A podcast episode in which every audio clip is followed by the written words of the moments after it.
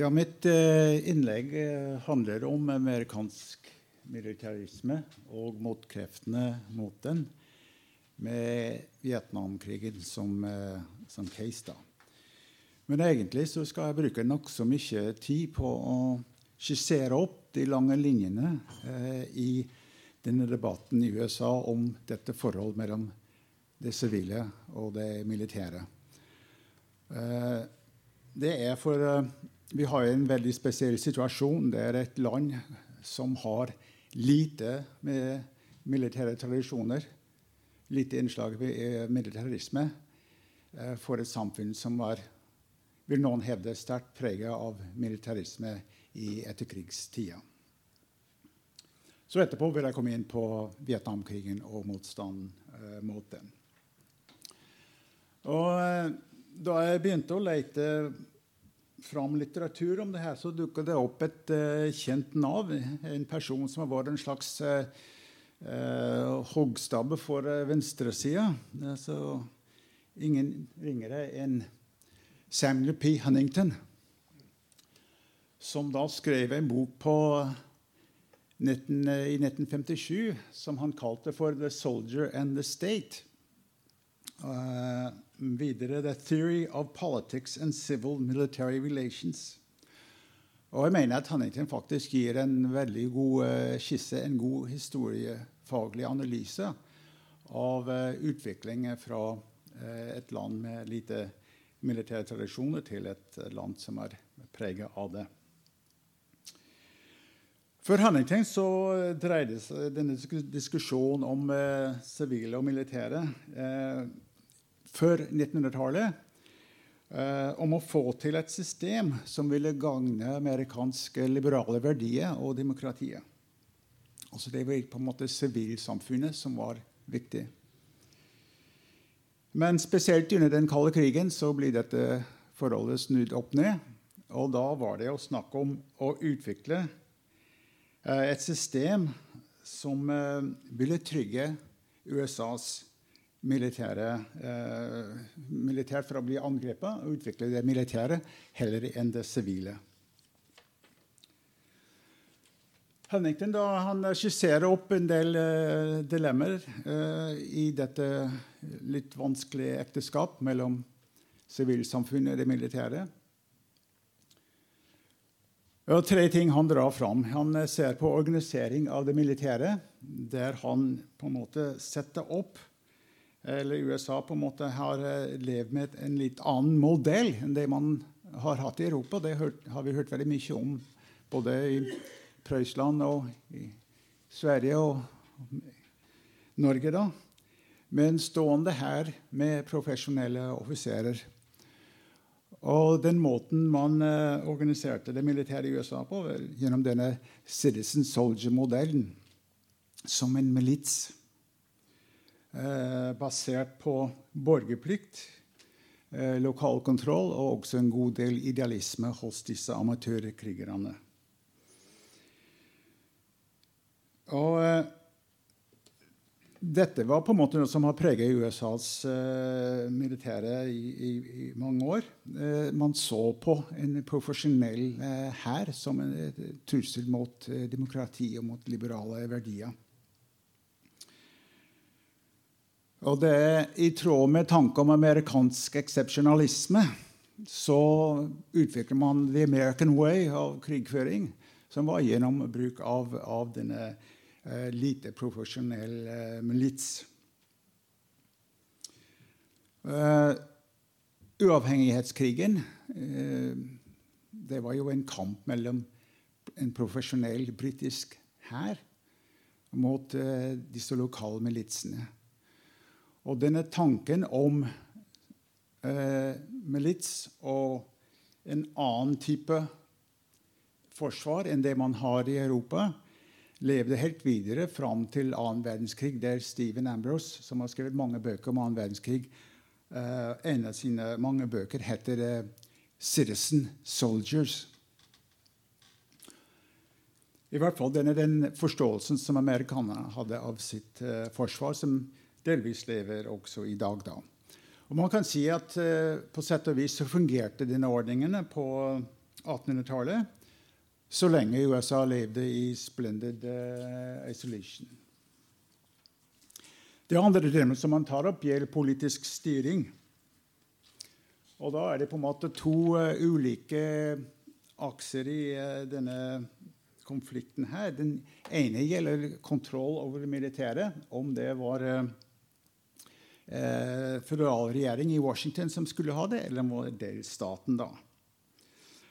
Og helt fram til 1903 så hadde delstaten kontroll over disse militsene.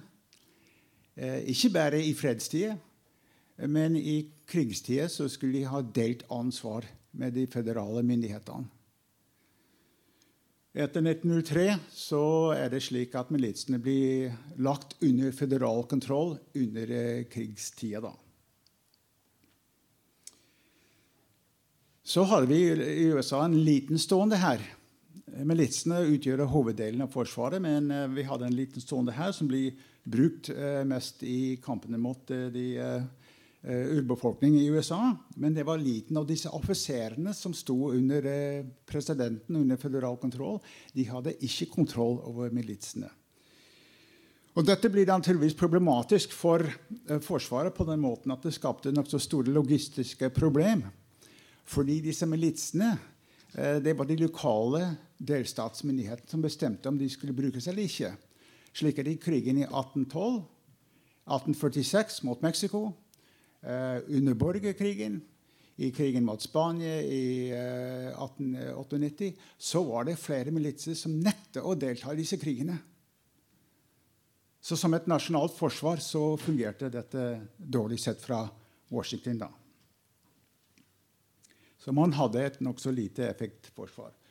Det andre konfliktlinjer går eh, mellom presidenten og Kongressen, altså denne maktbalansen som man har i, i USA. Det Presidenten var eh, commander in chief, altså øverstkommanderende. Men Kongressen det var de som kunne erklære krig, og også det var de som bevilget penger til krigføring.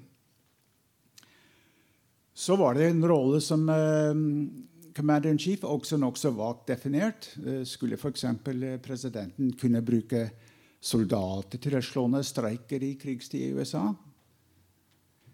I alle fall Det som skjer i løpet av 1800-tallet, og spesielt 1900-tallet, er at presidentmakta øker på bekostning av Kongressen når det gjelder å styre det militære. da.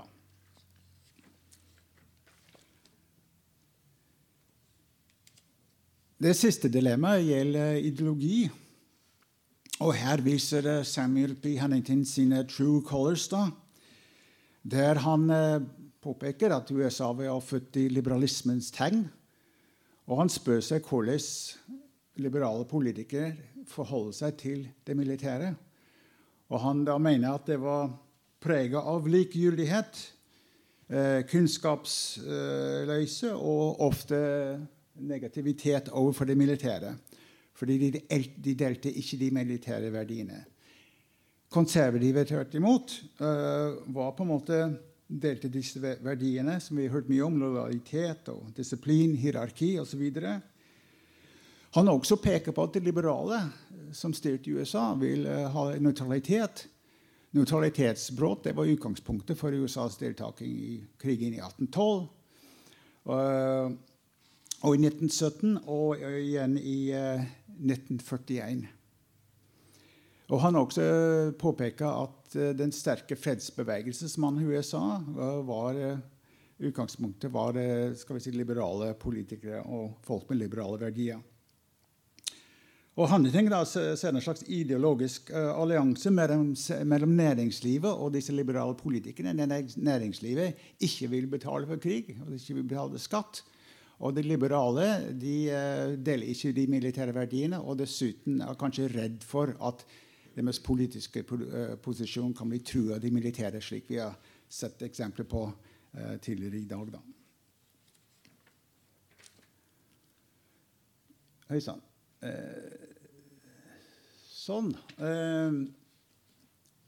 Det er noen vendepunkter da, i dette forholdet. og Der USA tipper over til å bli eh, mer preget av militære verdier og militarisme.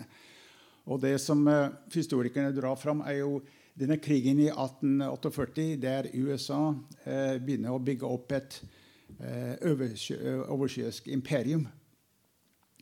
Dette bildet av maleri av ingen ringer enn Teddy Roosevelt med sverd der, som leder Rough Riders i denne krigen mot Spania i 1848. 1898, ja. Unnskyld. Uh, og det som skjer, er at USA har behov for en stående hær for å okkupere, for å erobre land, okkupere dem og kontrollere dem. Det er disse besittelsene i Karibia og i Stillehavet som USA overtar fra, fra Spania. Og dette da gir på en måte, Det er sterke innslag i militarisme under, under, denne krigen. her, Og det gir på en måte denne imperiebygging eh, Man finner en slags symbiose mellom det militære og utenrikspolitiske mål i, i USA.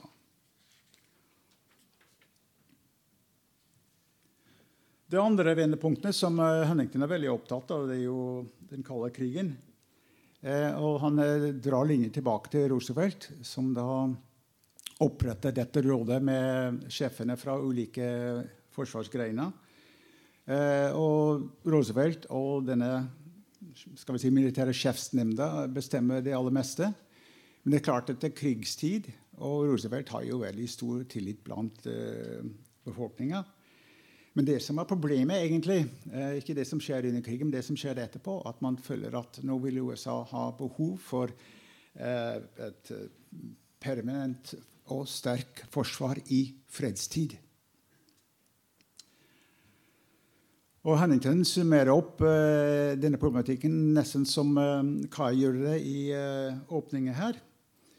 Eh, hvordan kan et liberalt samfunn skaffe seg trygghet sikkerhet når dette forutsetter profesjonelle, idretts, eh, profesjonelle institusjoner som i sitt vesen ikke er liberale. Hans svar var eh, det at disse konservative, den konservative ideologien i USA på 50-tallet klarte å løse på en fin måte, eh, i og med at de hadde forståelse for militære verdier. Og Han pekte på Eisenhower som en eh, soldatpresident som et eh, framifrå eksempel på hvordan man kan styre et land og bygge opp et sterkt militærvesen uten at det går på bekostning av de liberale verdiene.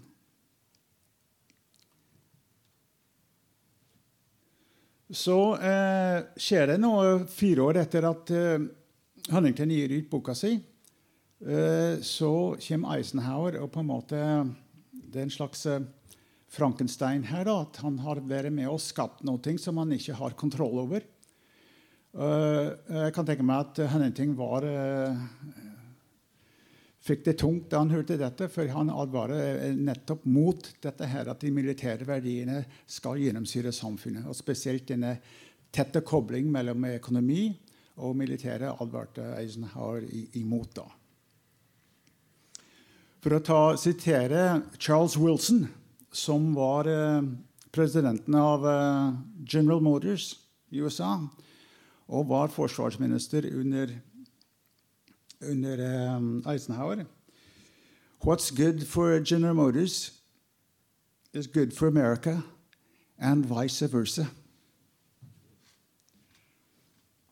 Det er på en måte utgangspunktet for uh, den militariseringen i, i, USA når det gjelder økonomi Iallfall.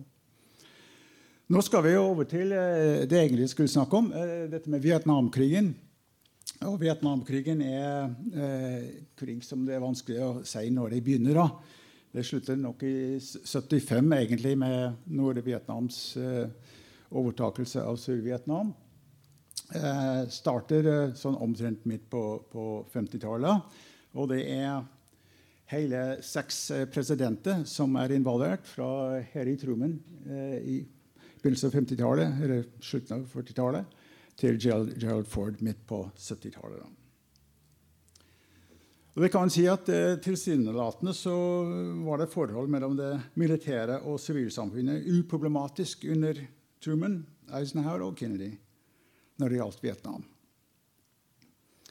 Tidlig etter annen verdenskrig så tok USA over finansiering av franskmennenes krigføring i Vietnam. De skulle på en måte erobre Vietnam etter krigen.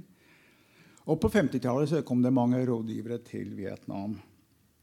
Men det var lite kritikk, og det var fordi det var et stort behov for eh, eh konsensus etter krigen. Det var eh, eh konformitetspress eh, på 50-tallet.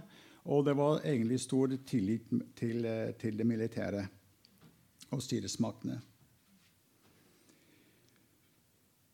En annen grunn var at uh, den amerikanske tilstedeværelsen i Vietnam var uh, ikke så veldig, uh, veldig stor. da Kennedy kom inn, så var det ca. 1000 rådgivere i Vietnam. Og når han ble skotten i 63, så var det 16 000. Fem-seks år seinere, under Johnson, så stiger tallet til en halv million amerikanere i Vietnam. Og over åtte millioner amerikanere tjenestegjorde i Vietnam. Så det blir en stor sak. Nixon da, han eh, begynner med en veldig langsom tilbaketrekning av eh, de amerikanske styrkene. I 1973 så blir en fredsavtale undertegna. Og i 75, som sagt, da er Vietnam et land.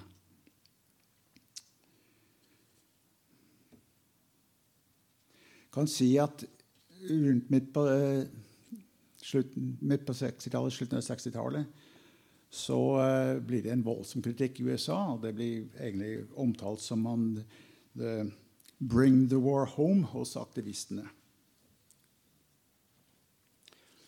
Så Hvis vi skal se på motstand mot Vietnamkrigen, så er det, Man må være litt forsiktig. For en ting motstand mot den krigen var ikke nødvendigvis det samme som motstand mot eh, det militære eller militarisering.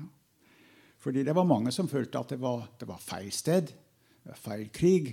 Og ikke minst det var feil ledelse under, under Johnson. Så det er mange som følte ikke at, eh, altså, at hadde interesse egentlig av å opprette det militæres kontroll over uh, militære saker, og ikke blande politikerne inn i dette. Og så var det en annen ting at Konteksten rundt protesten mot Vietnamkrigen gjør det vanskelig å skille ut hva som var protesten mot krigen, og hva som var protesten mot eh, USAs samfunn i, i, sin helhet. Altså forskjellen på denne protesten og det store 68-opprøret som vi har. Og utvilsomt, Hvis ikke man hadde dette 68-opprøret, så ville på en måte Vietnam-pressen ikke bli så stor. Eh, og eh, omvendt. Men likevel så kan vi trekke ut noen eh, sentrale områder eh, der eh, krigen eh, protesten mot krigen var også en protest mot militariseringa av det amerikanske samfunnet. da.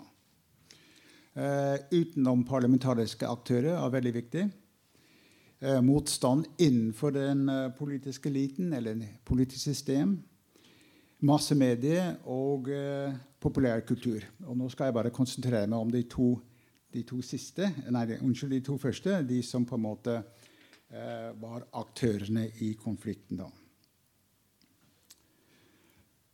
Når det gjelder utenomparlamentariske aktører, så tenker vi ofte på at uh, massemobilisering. mobilisering. det startet ved universitetene, ved noe som heter Teachings, som var en slags seminar der lærerne foreleste om Vietnam, hadde seminar med studenter.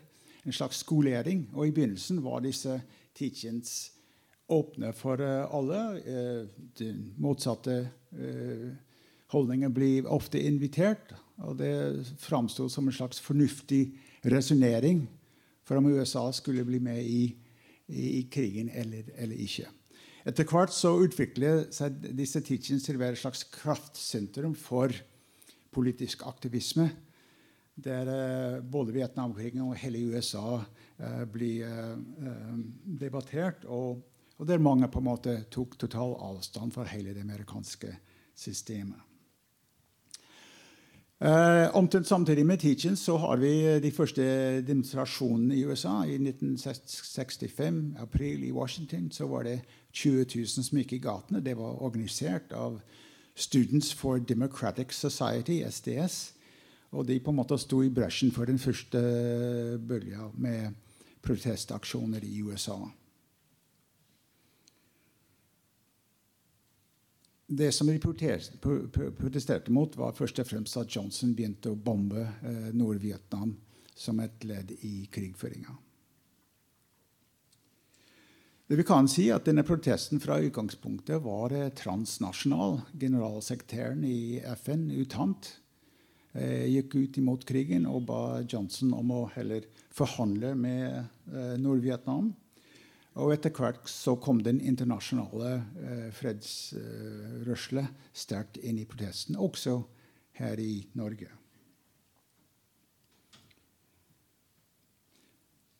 Og det som de oppfattet, var at krigen var, eh, var eh, ikke rettferdig. Krigen var ikke et legitimt forsvarskrig. Og krigen var heller ikke en, en krig for å oppnå høgverdige moralske mål. Altså I, i, i vår tids språkbruk så var dette slett ikke en humanitær intervensjon, slik som motstanderne sa det i hvert fall.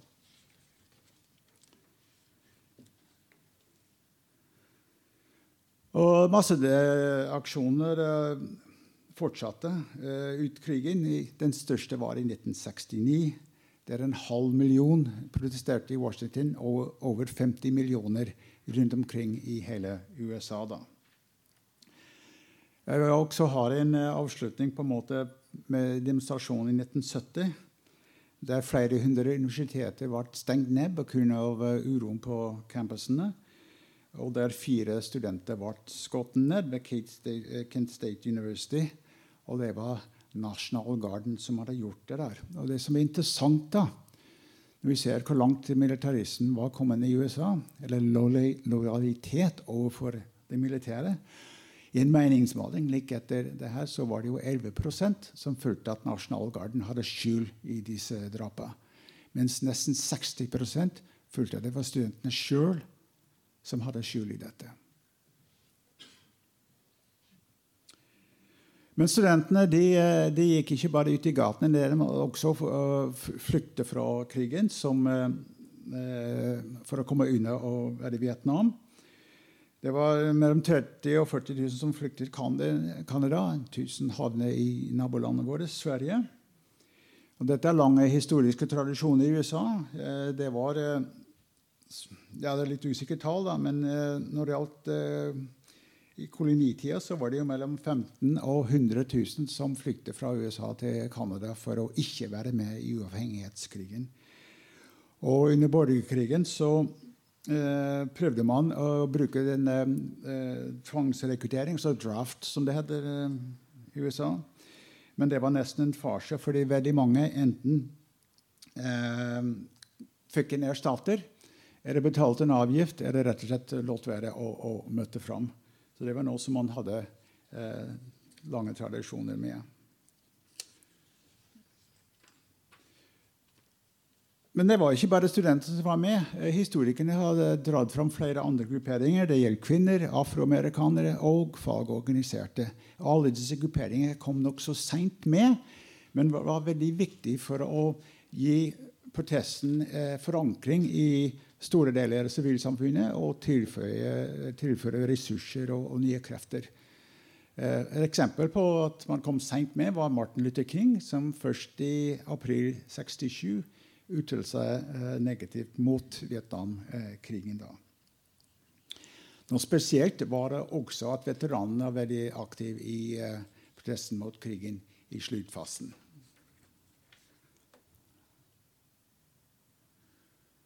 Så eh, politiske aktører. Eh, som vi antydet, så var presidentmakten eh, eh hadde eh, forsterket seg på bekostning av Kongressen. Og dette skjer i eh, det som var under Eisenhower med disse Joint Chiefs of Staff. Det blir på en måte formalisert i en lov i 1947 om den nasjonale sikkerheten. da. Og det ga presidenten mulighet for å, å skal vi si, bruke det militære uten uh, samtykke fra uh, Kongressen. da. Uh, Kennedy og Eisenhower uh, brukte dette uten at de fikk noe særlig kritikk for det, men Kongressen kviknet til uh, under Johnson og virkelig kom på banen under Nixon, der man til slutt vedtok en lov i 1973 1973, The Wars Power Act, som, at, som innskrenker presidentens militære handlingsrom uten å ha samtykke fra Kongressen. Og Det var spesielt i senatet i USA at man fikk denne kritikken. da. Det var en gruppe senatorer som blir kalt for The Doves, altså fredsstuene. Både republikanere og demokrater. Uvanlig i dag. Og også at de kom fra deler av USA som vi ikke assosierer med antimilitarisme, nemlig fra vest, Midtvesten og fra sør. Og det de tok uh, utgangspunkt i først, var denne fullmakten som Johnson fikk til å, å, å uh, hindre angrep på amerikanske styrker i 1964. Tonken-resolusjonen uh, heter det. Det var en langvarig debatt i Senatet. Bare to stemte imot, men de var nokså opptatt av det. Kongressen, altså Representantenes hus derimot, de hadde nesten ikke debatt. Og det ble enstemmig vedtatt. Uh, men dette kan forklares ut fra at uh, dette var i august 1964, og presidentvalget var i november. Sånn at man var veldig forsiktig med å kritisere sin egen president fra, fra demokratene, som dominerte begge, begge kamrene da. Men etterpå så viste det seg at Johnson oppførte seg eller førte krigen slik som om han hadde fått eh, eh, godkjenning fra Kongressen. Men Kongressen hadde ikke erklært krig. Og da begynte Senatet å spørre litt om dette. her. Så det ble en stor eh, høring i 1966 eh, under eh, William Fulbright, som eh, var formann i den, leder for den mektige utenrikskomiteen i USA der Johnson og de militære kom under veldig hard kritikk. Og dette var veldig viktig fordi det legitimerte kritikken mot eh, Johnson og den politikken. Eh, når det kom fra elitepolitikerne i Washington, så, så, så, var det på en måte eh, greit. Og de fortsatte å hamre løs på, på denne, eh, denne, politikken. Tonken-resolusjonen ble eh, tilbakekalt. Og man begynte å kutte ned på eh, bevilgninger til, til krigen. Um, som sagt, det kulminerte i 1973, da denne Wars, Act, eh, Wars Power Act ble eh, vedtatt. Og det var faktisk et samarbeid mellom en republikansk og en demokratisk uh, senator. da. Og da var det et tillitssignal at Kongressen hadde på en måte tatt tilbake noe kontroll over det militære som presidenten hadde hatt da. Så til slutt Hva betydde denne motstanden mot Vietnamkrigen for uh, forholdet mellom det sivile og militære i USA? Og Den kortvarige effekten var naturligvis uh, at man la bånd på presidenten uh, når det gjelder bruk av militæret i imperiebygging. Det økte også bevisstheten rundt faren eh, militarisering representerer for liberale eh, verdier og demokrati. Men så, i hvert fall siden 9.9., kanskje kan gå tilbake litt tidlig på 90-tallet, så har eh, militarismen vært på frammarsj i, i, USA. Og det er mye snakk nå om en ny militarismen i, i USA. Spesielt i forbindelse med krigen mot terror. Eh, det gjelder både utenrikspolitikken, men ikke minst innenrikspolitikken, der man hadde denne patriotloven, og man opprettet eget sikkerhetsdepartement. Så på en måte, man er jo kanskje litt tilbake der man var før eh, Vietnamkrigen. Til slutt så eh, Hva skal vi si om eh, Trump-fenomenet? Trump som ønsker å ha på en måte delvis lykkes å avvikle krigføring i utlandet, men samtidig oppmuntre til militaristiske handlinger i den nasjonale politiske kampen. Takk for meg.